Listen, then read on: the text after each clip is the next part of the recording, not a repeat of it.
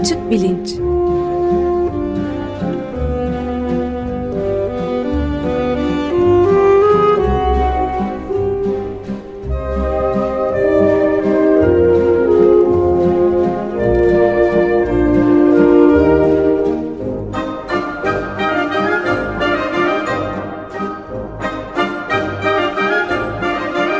Güven Güzeldere ile bilim ve felsefe sohbetleri. Günaydın Güven Bey, merhabalar. Günaydın Ömer Bey. Günaydın. Günaydın Özdeş. Evet, bugün e, konuğumuz Vedat Milor ama siz takdimini yaparsanız sevinirim. Tabii memnuniyetle hoş geldiniz Vedat Bey. Hoş bulduk. Hoş geldiniz. Merhabalar. Lezzet serimizin üçüncü programındayız. Önce bir felsefi giriş yapmıştık. Arkasından Ömer Gökçümen konuya genetikçi bir antropolog gözüyle yaklaştı. Şimdi de biraz gastronomi uzmanlığını konuşmak istiyoruz. Ee, Vedat Milor'u bütün dinleyenler tahmin ediyorum e, tanıyordur. Fakat akademik bir geçmişi olduğundan belki habersizdirler. Ben de ondan bahsedeyim. Ee, ekonomi doktorası var e, Kaliforniya Üniversitesi Berkeley'den. Arkasından da Stanford Üniversitesi'nde hukuk okumuş. Dolayısıyla Amerika'da işte JD, PhD denilen hem e, hukukçu hem bilim doktoru ünvanlarına sahip e, akademik bir geçmişi de var. Fakat e, bizleri e, gastronomi uzmanlığıyla e, aydınlatıyor. E, ben de gastronomi uzmanlığına dair şu soruyla başlamak istiyorum. Konu lezzet olduğu zaman e, iki kutup e, görülüyor. Bir tanesi işte yani lezzet aynen fizikçinin, kimyacının yaptığı gibi nesnelerin bir takım özelliklerini ölçmekten ibarettir demek. Ki bu bana doğru gözükmüyor çünkü lezzet dediğimiz zaman o lezzeti algılayan bir canlıdan ve ona göreli bir e, durumdan da bahsetmemiz lazım. Öteki yanda ise diğer kutupta işte her şey özneldir, renkler ve zevkler tartışılmaz. Ben bunu böyle seviyorum, senin ne dediğinin hiç önemi yok diyen bir e, tümden sübjektivist bir e, pozisyon var. O da bana tamamıyla yanlış geliyor. Çünkü o zaman gastronomi uzmanlığının sanki hiçbir önemi yokmuş veya nesnel bir temeli yokmuş gibi işte kim ne be beğeniyorsa onu yesin filan diyor. Şimdi bazı durumlarda sahiden kişisel tercihlerin ötesinde bir şey söylemek mümkün olmayabilir. Siz de mesela menemen soğanlı mı yensin, soğansız mı yensin konusunda bir e, yargıya varmak yerine bir anketle bu, bu işe yaklaşmayı seçmiştiniz. Bana da bu doğru gözüküyor. Ama e, 2019 yılında Hürriyet Gazetesi'nde yazdığınız birkaç yazı var. Gastronomik doğrular ve kişisel tercihler üzerine. Ben bu programın duyurusunda onları da paylaştım okumak isteyenler için. Konu her zaman yalnızca kişisel tercihlerden ibaret kalmıyor. Dolayısıyla gastronomi uzmanlarına e, güveneceğimiz, e, güvenmemiz gereken ve onların ne yazdığına kulak kabartmamız gereken durumlar da oluyor diye düşünüyorum. Özellikle Türkiye gibi herkesin e, pek çok konuda kendisini uzman gördüğü, işte mesela hepimiz e, en iyi futbol direktörüyüz, e, onu çıkarsa bunu e, alsa maçı kazanacaktı filan gibi iddialarda bulunmaktan hiç geri kalmıyoruz. E, böyle bir e, alanda gastronomi uzmanı olmak, bu konuda yazılar yazmak çok zor bir iş olsa gerek diye düşünüyorum. E, size de tahmin ederim her türlü yorum ve e, işte cevap ya da öneri ya da tavsiye geliyordur. E, biraz buradan başlasak. Siz kendi alanınızın sınırlarını nasıl belirliyorsunuz? E, çok e, güzel bir soru sordunuz. Zaten büyük bir ölçüde e, söylenebilecek çok şeyi de söylediniz diyeceğim. Burada e, şeyi ortaya koydunuz. E, alanın sınırlarını diyeyim. E, e beni de düşündürdü bu elbette. E, çünkü şeye ben daha yakın olduğunu söyleyeceğim. Yani eğer ille bir e, öznel nesnel ayırımı yaparsak e, gastronomi kesinlikle gastronomi derken hem yemek e, lokanta eleştirmeni hem de şarap eleştirmeni olarak konuşuyorum. Yani iki konuyu da ikisini de e, ikisini de içeriyor ya da en azından benim özelimde. Konuyu e, şeye çalışmak yani eğer amacımız mümkün olduğu kadar e, bilimsel e, gerçekleri ortaya koymak gibi bir amaç bana göre hem hatalı hem yetersiz. Yani hiçbir zaman gastronomi ne bileyim işte trigonometri gibi ya da elektrikte e, mesela ohms şeyi vardır, e, kanunu vardır işte.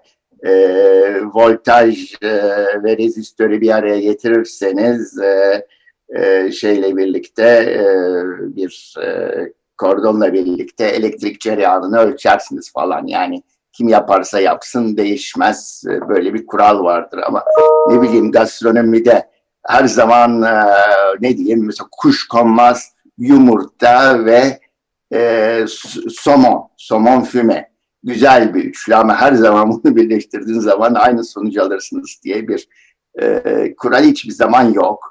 E, giderek mesela şarap dünyasında giderek standartlaşmaya e, çalışıyorlar e, ölçümü işte 100 puan üzerine not vermeye bunu bilimselleştirmeye nesnel bir temele oturtmaya ama tabii vaktimiz yok bunun şeyini anlatmak için e, buradaki sorunları e, e, kanımca e, tamamen bizi işin şeyinden de uzaklaştırıyor, özünden de uzaklaştırıyor diyeyim. E, öz kelimesini e, genel anlamda kullanıyorum. Yani bir e, şey anlamında değil, e, epistemolojik, ontolojik bir anlamda değil. Evet. E, peki işin özü nedir bana göre? Yani benim asıl amacım nedir? Ya da konuya nasıl bakıyorum? Gerek şarapta gerek yemekte. Şöyle söyleyeyim, e, tek bir cümleyle ifade etmek gerekirse, e, şey, e, çok geniş bir alan, gastronomi adeta bir okyanus. Çok türlü şeyler var, e, bileşimler var, malzemeler var, seçenekler var, bunları bir araya getirme yöntemleri var. Burada mümkün olduğu kadar o tüm okyanusu keşfetmek mümkün değil.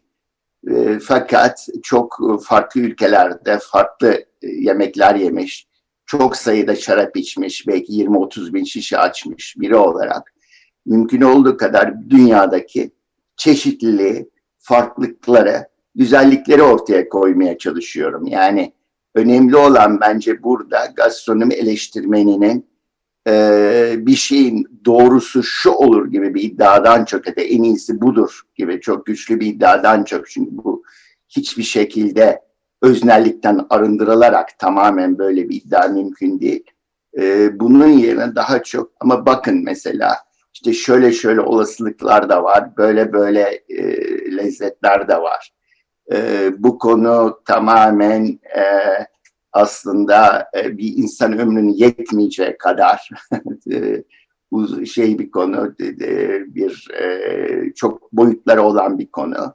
Ama önemli olan burada şöyle şey dünyada zaten e, her insanın e, binlerce sorunu olduğu bir dünyada hayatın her alanında mümkün olduğu kadar bir e, haz her alanda haz duymayı bilmek ne bileyim mesela e, bir resimden bir e, güzel bir senfoniden şarkıdan nasıl haz alıyorsunuz yemekte hepimizin yaşamak için de e, e, yaşamak için de gerekli olan ve günde iki ya da üç defa en azından e, e, rutinleşmiş bir aktivite. Bu aktiviteyi mümkün olduğu kadar nasıl daha zevkli hale getiririz? Da, e, eğer meraklı olursak yeni lezzetler keşfetmeye, e, belki e, yaşam daha renkli olur. Daha e, ve bunun sonucunda da belki duygularımız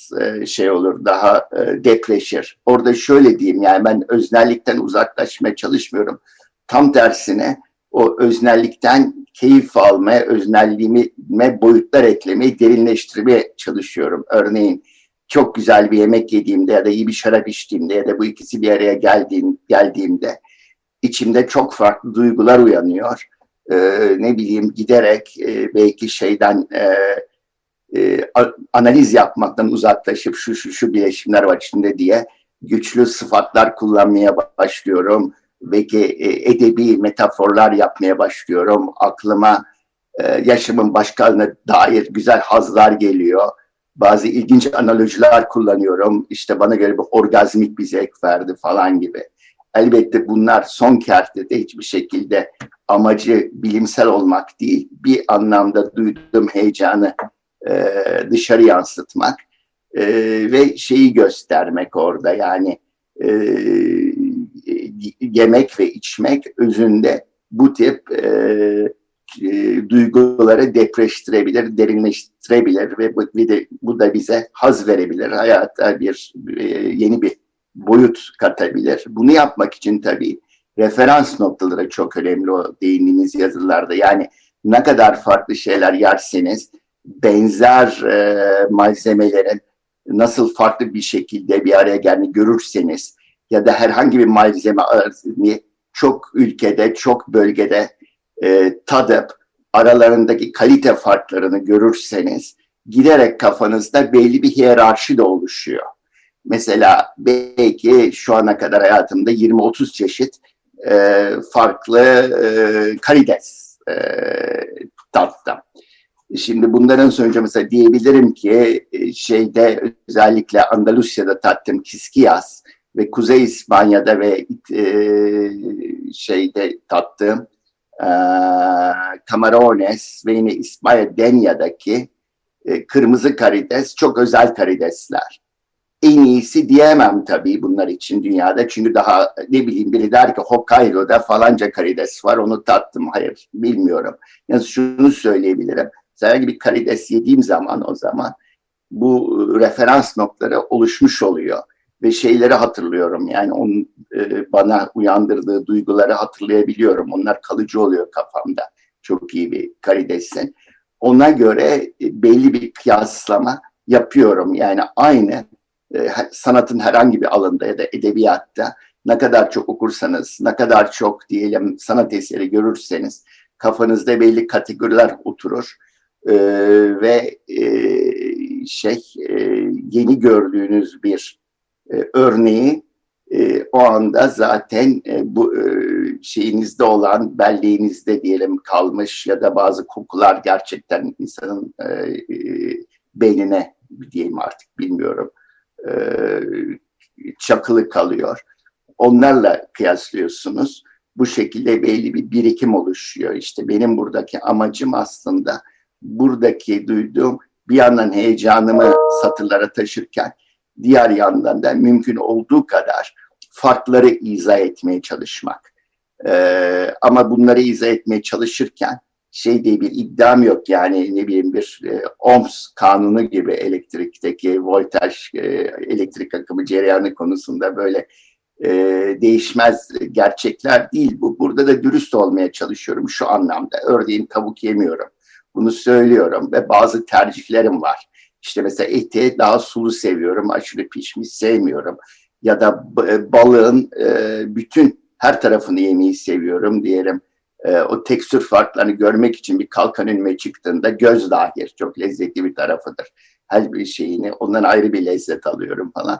Bu tip kendi tercihlerimi belirtmeye çalışıyorum okuyucuya ki kendi kararını verebilir o artık. Eğer yani bir yandan şeyi e, e, görmesi lazım e, okuyucunun. Yani benim tercihlerimi ve e, şeylerimi bilmesi lazım. E, ne diyeyim e, benim biaslarımı e, sevdiğim ve sevmediğim şeyleri yani öznel tercihlerimi de e, ona göre e, kendi kararını verip e, e, ne kadar güvenilir bulup bulmadığından kendisi karar verebilir ama bunun dışında en doğrusu budur gibi bir iddia bana e, çok abartılı geliyor. Tamam ben şimdi tahmin ediyorum Ömer Bey'in e, e, deniz hayvanları ile ilgili zor bir sorusu olabilir ama ben ondan önce başka bir şey sorayım. Geçen haftaki programa da bağlayacak şekilde. E, şimdi e, Ömer Gökçümen bize anlattı bir tür olarak insan türünün e, genetik yapısı nelerden hoşlanıp nelerden hoşlanmadığımızı kısmen belirliyor. E, hatta bütün canlılar için glikoz mesela çok önemli. Dolayısıyla doğanın bulduğu en kestirme yol e, glikozun lezzetli bir şey olarak algılanmasını sağlamak hepimizin hoşuna gidiyor. Dolayısıyla şekerli şeyler yiyoruz. Hatta yemeden duramıyoruz. E, yemememiz gerekse bile filan. Bu fakat bunun ötesinde de bir türün bireyleri arasında ciddi farklar olduğunu, algı e, hassasiyet farkları olduğunu e, da e, konuştuk geçen hafta.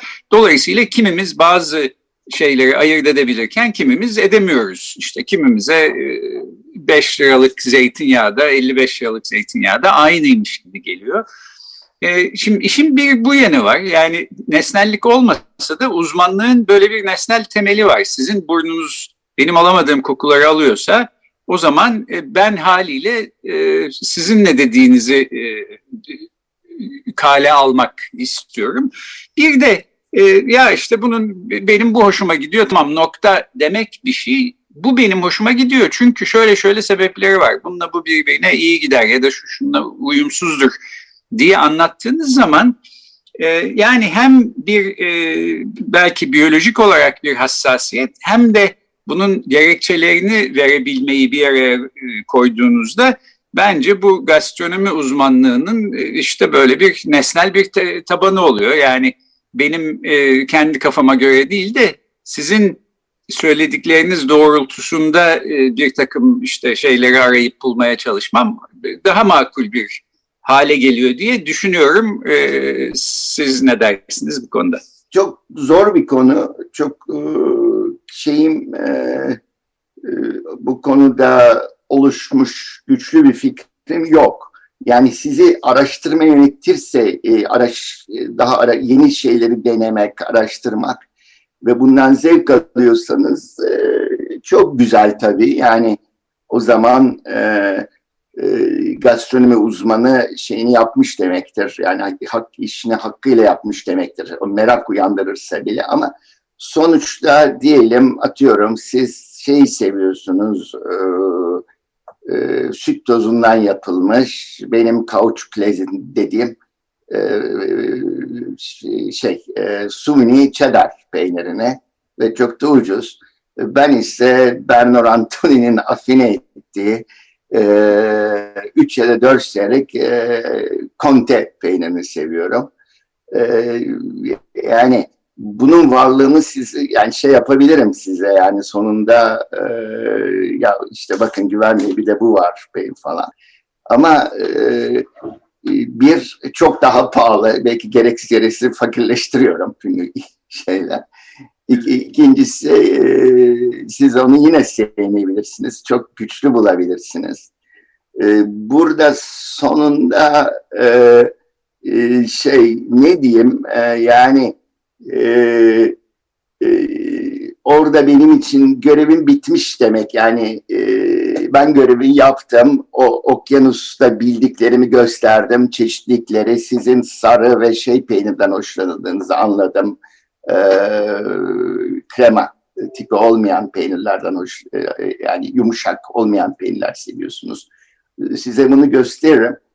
E, ama daha fazla bir iddiada bulunmak e, yani e, ben biliyorum e, yani ben daha e, zevkim daha iyi e, demek istemiyorum. E, çünkü bunun e, e sonu yok. Yani e, bunun e, amacını şey yapmıyorum. E, burada etik açıdan daha üstün bir şey e, görmüyorum, e, bir duruş e, görmüyorum. Yani orada işte beni e, rahatsız eden genellikle tam tersine şey oluyor, e, başkaları çok yapıyorlar. Yani e, yazarlığımda gördüğüm özellikle farklı şey e, yediğim zaman devamlı suçlamalar geliyor. Yani e, bizim mutfak en iyisi, en iyi bu, o varken ne bileyim bizim e, güzel kuru fasulyemiz varken atıyorum ne diye gidip e, Fransa'da işte kasule denersin falan gibi. Yani e, bu e, bence etik şey bu. E, amaç bu olmalı. Hani her şeyde olduğu gibi hayatta diğer sanatın diğer alanlarında duyularla ilgili olan tüm alanda o çeşitliliği çoğulculuğu göstermek belki gerekli e, e, düş, burada düşünmek ve değerlendirmek için gerekli olan ne diyeyim tool şey aklıma geliyor. Gerekli olan malzemeler, araçları, gerekleri belirtmek, neye bakılacağını ya da benim neye baktığımı, örneğin bir şarabı değerlendirirken baktığımı, diyelim harmoniden bahsediyorsam, yemeğin dengesinden bahsediyorsam, e, dengeden ne kastettiğimi açıklamak. E, bundan sonra da artık o insana bırakmak şeyi, e, e, onun e, tercihlerine ve nasıl ilerlemek istiyorsa öyle ilerlemesi lazım. Ama sonuçta e, bir şey mi daha lezzetlidir Fransa'nın kasulyesi mi bizim e, e, pastırmalı kuru fasulye mi bunun bilimsel bir cevabı yok. Yani ancak e, şeyden bahsedebiliriz. Oradaki fasulyenin kalitesinden, suçun kalitesinden, orandan falan bahsedebiliriz. O yüzden e, yine otorite şeyini burada yani gastronomik otorite deyimi belki e, biraz e, şey ka- kaçtığını düşünüyorum. E, fazla iddialı kaçtığını ve e, çok ciddiye alınmaması gerektiğini düşünüyorum. Yani insan e, özellikle e, bu kadar böyle bir okyanusa daldığı an e, şeyi bilebilmeli, yani sınırları bilebilmeli ve e, ne kadar bildiğini e, bilebilmeli. Yani bu referans noktaları işte çok önemli tekrar. Ve burada da e, görüyorsunuz ki e, hiçbir zaman son söz diye bir şey e, mümkün olduğunu e, zannetmiyorum bu konuda. Evet. Peki. Ben de bir soru sorayım. Vedat Bey e, bir soru içinde aslında üç soru birden sorayım. E, neden tavuk yemiyorsunuz? Onu söylediniz. Bu bir e, etik bir gerekçeye demin bağladınız. Ama yani mesela yeni yayınlanmış yani bir, birkaç sene önce yayınlanmış ilginç bir kitap var. Yedi ucuz şey diye. Üzeri, yedi ucuz şey üzerinden dünya tarihi. Raj Patel ile Jason Moore'un Türkçe'de e, Türkçe'de de yayınlandı.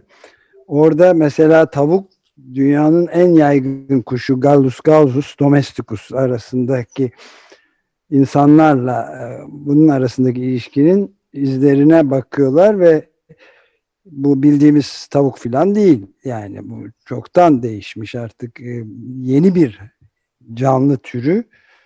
E, yani kaynak olarak Asya ormanlarından serbestçe elde edilen genetik materyali kullanıp kümes hayvanlarının en fazla kar getirenini üretmek üzere yeniden şekillendirmeye karar vermiştir. Bu İkinci Dünya Savaşı'ndan sonra yoğun çabalarla ve şu anda yani bugünlerde 60 milyarın üzerinde tavuk yetiştiriliyor ve kesiliyor. 60 milyardan bahsediyoruz. Yani 8 milyara yakın insan nüfusu bundan yaşlıları ve çocukları yemeyen, ye, yeme yaşında olmayan çocukları çıkarırsanız kişi başına ona yakın tavuk düşüyor.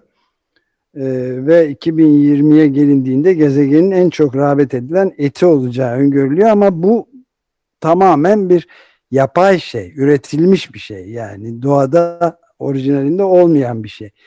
Diğer bazı şeylerden de yani bahsetmek gerekiyor. Şimdi ikinci soru olarak da dün e, biraz önce e, Güven Bey'in de bahsettiği gibi yeni bir film e, Seas Piracy ya da Seas Piracy iki türlü de okuyabilirsiniz. Yeni bir Netflix serisi çıktı. Orada da mesela e, somon dediniz demin somonların renginin normalde gayet cazip bir pembe olduğu e, biliniyor tabii. Aslında değilmiş. Boyanıyormuş. Yani bunu net olarak ortaya koyuyorlar filmlerde. Yani e, ve onun dışında da işte mesela çok ünlü o işte köpek balığı çorbası, e, yüzgeci çorbasının ne korkunç bir yıkıma yol açabileceği hatta dünyadaki türleri başta insan olmak üzere de yok yok olmasına yol açabileceği gibi şeylerden bahsediliyor ve büyük ölçüde de bu balıkçılık endüstrisinin lobicilik faaliyetleri sonunda bilinmediğini ama en önemlisi belki de biraz önce sözünü ettiğiniz karideslerin e, köle emeğiyle bildiğimiz e, ücretli kölelik dediğim resmen köle emeğiyle üretildiğini gösteren ve büyük tehlikeler altında çekilmiş bir filmi yeni seyrettik yani. Bir de böyle bir şey var ve son olarak şunu da söylemek istiyorum. Yani bunu Ömer e, Gökçümen'le de konuşma fırsatımız oldu bu programda. Yani e, özellikle Pulitzer ödüllü Michael Moss'un çok çarpıcı bulduğum bir kitabı vardı. 2013 galiba çıktı. Salt, Sugar, Fat diye. Yani tuz, şeker ve yağ. E, bütün büyük e, yiyecek şeyleri, firmaları, devleri bizi nasıl bağımlı haline getirdiler diye ve hepsiyle konuşmasını da ilginç bir şekilde içlerine girerek büyük dev şirketlerin nasıl aslında e, yiyecek devlerinin herkesi kazıkladığı tabir caizse bağımlı hale getirdiği ve açıkça da söylüyorlardı. Amacımız tek şeyimiz kardır. Aslında yiyecek e, ve sağlıklı bir yiyecek falan değil. Ne kadar çok tuz, şeker ve yağ e, yetebilirse koyu, koyuyorlar şeylere, ölçümlere çok gelişkin teknikler kullanarak ve bu şekilde bağımlı kılıyorlar. Şimdi bu durumda serbest bir seçimden, beslenme ve gastronomiden bahsetmemiz mümkün olabilir mi bu şartlar altında dünyada? 64 milyon dolar question yani e, hiçbir konuda e, serbest seçimden e, bahsetmek mümkün değil. E, özellikle yaşlandıkça şey daha da azalıyor serbest seçim. Şöyle dün bir Javier Marias'ın All Souls diye bir kitabını okuyorum da orada var. Toby Rylance adını verdiği Oxford profesörü söylüyor bir arkadaşıyla ilgili olarak artık onun şeye gelmiyormuş ziyaretten üzülüyor. Çünkü e, şey, ölümcül bir hastalığı var. Yani diyor ki evet diyor hakikaten e, bizim şeyimizi, özgür seçimimizi giderek hastalık ele geçirmeye başlıyor diyor yani. Ee, hani o e, konuya girince e, ne kadar hangi alanda ne şey yapabiliyoruz, özgür e, seçim yapabiliyoruz elbette. E, çok ciddi bir konu. E, tabii aşırı strukturalist bir argüman belki hiçbir şekilde yapamaz. Biz başka yapıların taşıyıcısıyız da olabilir. Ne ölçüde modern dünyada özgür seçim yapılabilir, tartışılabilir elbette. E, tabii ki burada gastronomide e, şey e, bir yerde özgür seçim e, e, bir, bir de şans meselesi yani şöyle e, bu dediğiniz şartların endüstriyel gıdaların dışında olan gıdalar var. Özellikle batıda bulmak mümkün.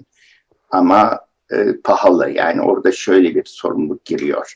Elbette benim Denia'da dediğim 40 metre derinlikte özel kayada tutulmuş özel yosun biçimleri yemiş temiz bir denizdeki şeyler çok pahalı.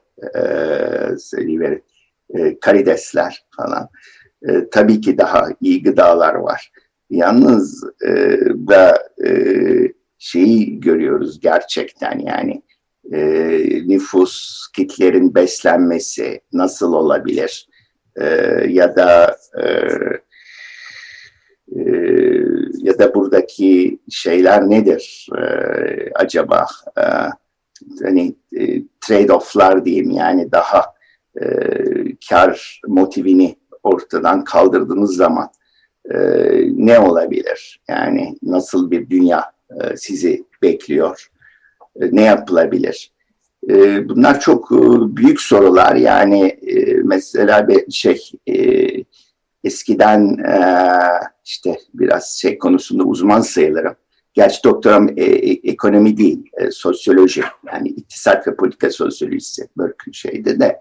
Yani bir e, merkez planlama sisteminde ihtiyaca göre yönelik hiçbir zaman bir e, Romane Conti çıkmıyor yani şeyde.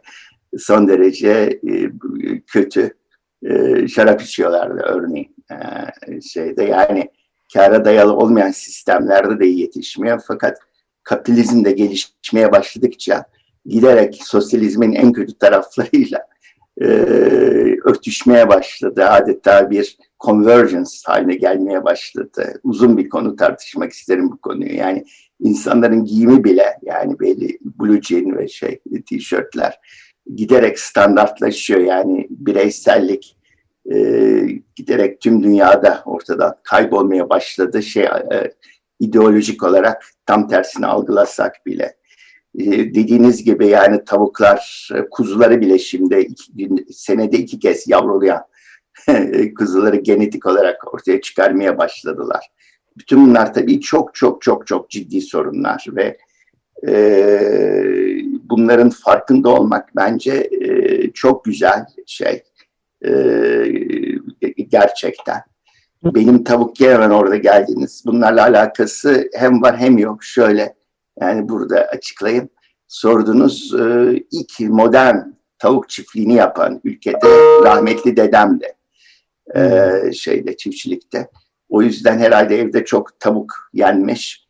Ee, ve bana da e, çocuğa hiçbir zaman baskı yapmamak lazım. Özgür iradesini e, ezmemek lazım. Sanırım o baskı yapılmış. Ve o yüzden e, inatçı da biri olduğum için karar vermişim. Bir daha tavuk yemeyeceğim diye. Ondan öyle çok büyük, çok derin felsefi bir nedeni yok. Psikolojik, travmatik bir e, nedeni var. E, tavuk yememin. E, bu dinin sorunlara değil katılıyorum. E, şeyde yani hepsi gerçekten e, çok mühim. Öte yandan yani e, karşı şey olarak sadece şunu söyleyebilirim. Yani e, belki orada Anthony Bourdain'in meşhur lafı hani vücudunuz bir mabet değil ya da kendi vücuduna bir mabet gibi değil bir eğlence parkı olarak görmesi yani e, sonuçta e, haz alınan hemen her alanın gerisindeki üretim ilişkilerine baktığınızda e, muhakkak ki çok e, eşitsiz ilişkiler, ciddi sömürü ve e, şeyler yatabiliyor, derin trajediler yatabiliyor. E, fakat e, insan kapasitesi de e, bir dereceye kadar algılayabiliyor bütün bu şeyleri, e, haksızlıkları, sorunları. Yani empatiniz gelişmeye başladıkça artık öyle bir hal alıyor ki yaşayamaz hale geliyorsunuz. Yani duyarlılıktan dolayı. E, yani orada kendi hayatınıza son vermekten başka bir çare gelmiyor bir şey yapamanız için. O yüzden mümkün olduğu kadar küçük alanlar açmak lazım. Yani biraz rahat ettiğiniz, biraz çok fazla düşünmediğiniz. Ee, ben kendi açımdan e, özellikle şaraptan başlayarak onu vurgulayayım. Gastronomi e, biraz şey yap, gevşeyebileceğim, bir alan olarak gördüm. Yani hem e, düşünceme e, hem duygularıma hitap eden.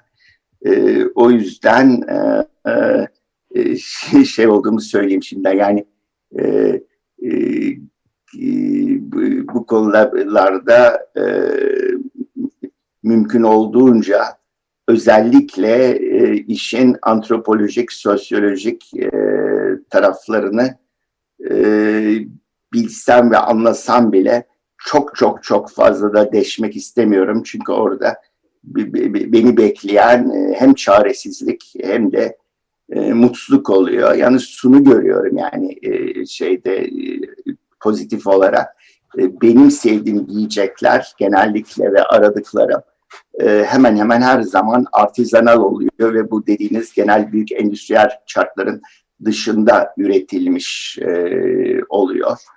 Ee, burada da aslında e, lezzetle şey arasında, etik olanla daha lezzetli olan arasında mutlu bir ilişki olduğunu şey yaptım, e, gözledim ama konuyu sistematik bir hale getirip e, üzerinde çok fazla çalışmadım açıkçası Ömer Bey. Peki, böylece de tamamlayalım o zaman. Çok teşekkürler. Ben de aslında bu gastronomik alanın e, tarihsel bağlamına dair yarım dakikalık bir not e, koyayım. Benim yaşadığım Massachusetts eyaleti ve buradan kuzeye doğru giderseniz Atlantik Okyanusu boyunca Maine eyaletinde özellikle e, istakoz çok e, yakalanan ve e, tüketilen e, bir e, deniz ürünü.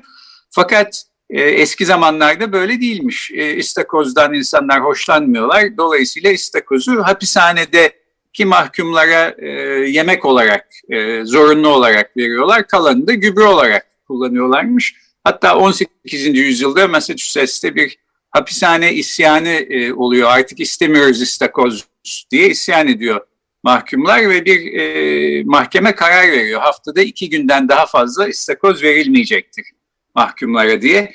Dolayısıyla Yeşil gastronom... mercimek gibiymiş yani orada. evet, gastronomik tercihlerde böyle tarihsel ilginç bağlamlarda söz konusu. Ee, bugün konuğumuz gastronomi uzmanı Vedat Milor'du. Üç programlık lezzet serimizi böylece şimdilik tamamlıyoruz. İleride bu konulara yeniden e, döneriz diye düşünüyorum. Çok teşekkür ederiz Çok Vedat Bey katıldığınız için. Çok teşekkürler katıldığınız için. Ee, ben teşekkür ederim güzel sorularınız için. Haftaya görüşmek üzere. Hoşçakalın. Hoşçakalın. Hoşçakalın. Hoşça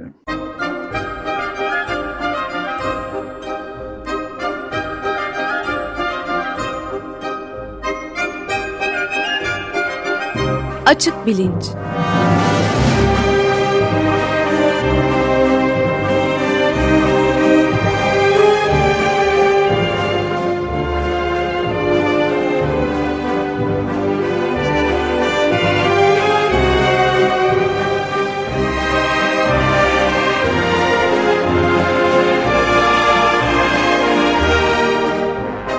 Güven Güzeldere ile bilim ve felsefe sohbetleri.